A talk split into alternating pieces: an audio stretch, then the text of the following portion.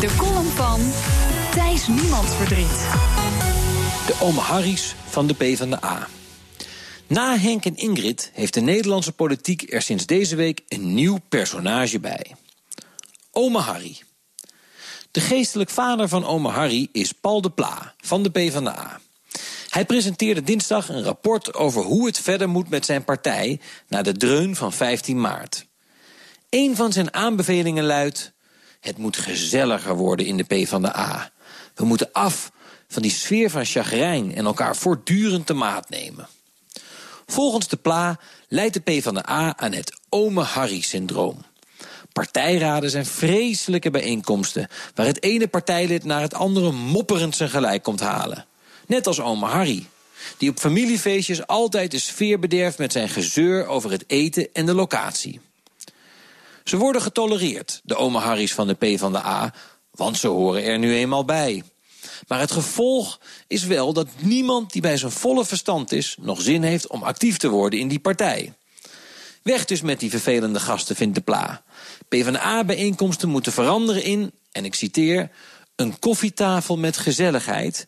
zoals wij die in het zuiden van het land hebben.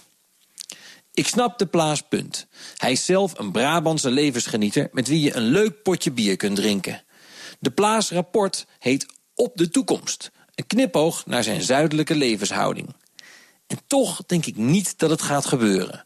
Een sociaaldemocratie die wat vrolijker en katholieker wordt.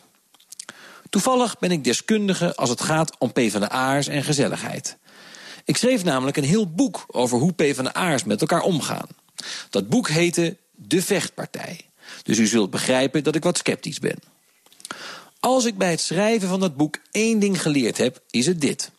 De PvdA is ten diepste een club van uiterst serieuze Calvinisten.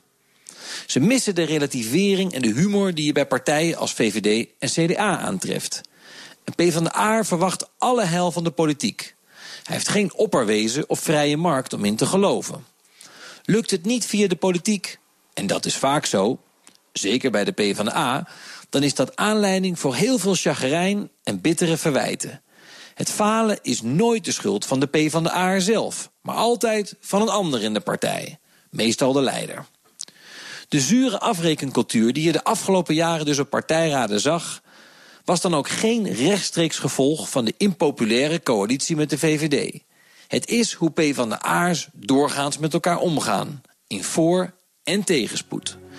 Ik gun Paul de Plaza een revolutie van harte, maar ik vrees dat de Ome Harry's voorlopig niet vertrokken zijn. En dat zei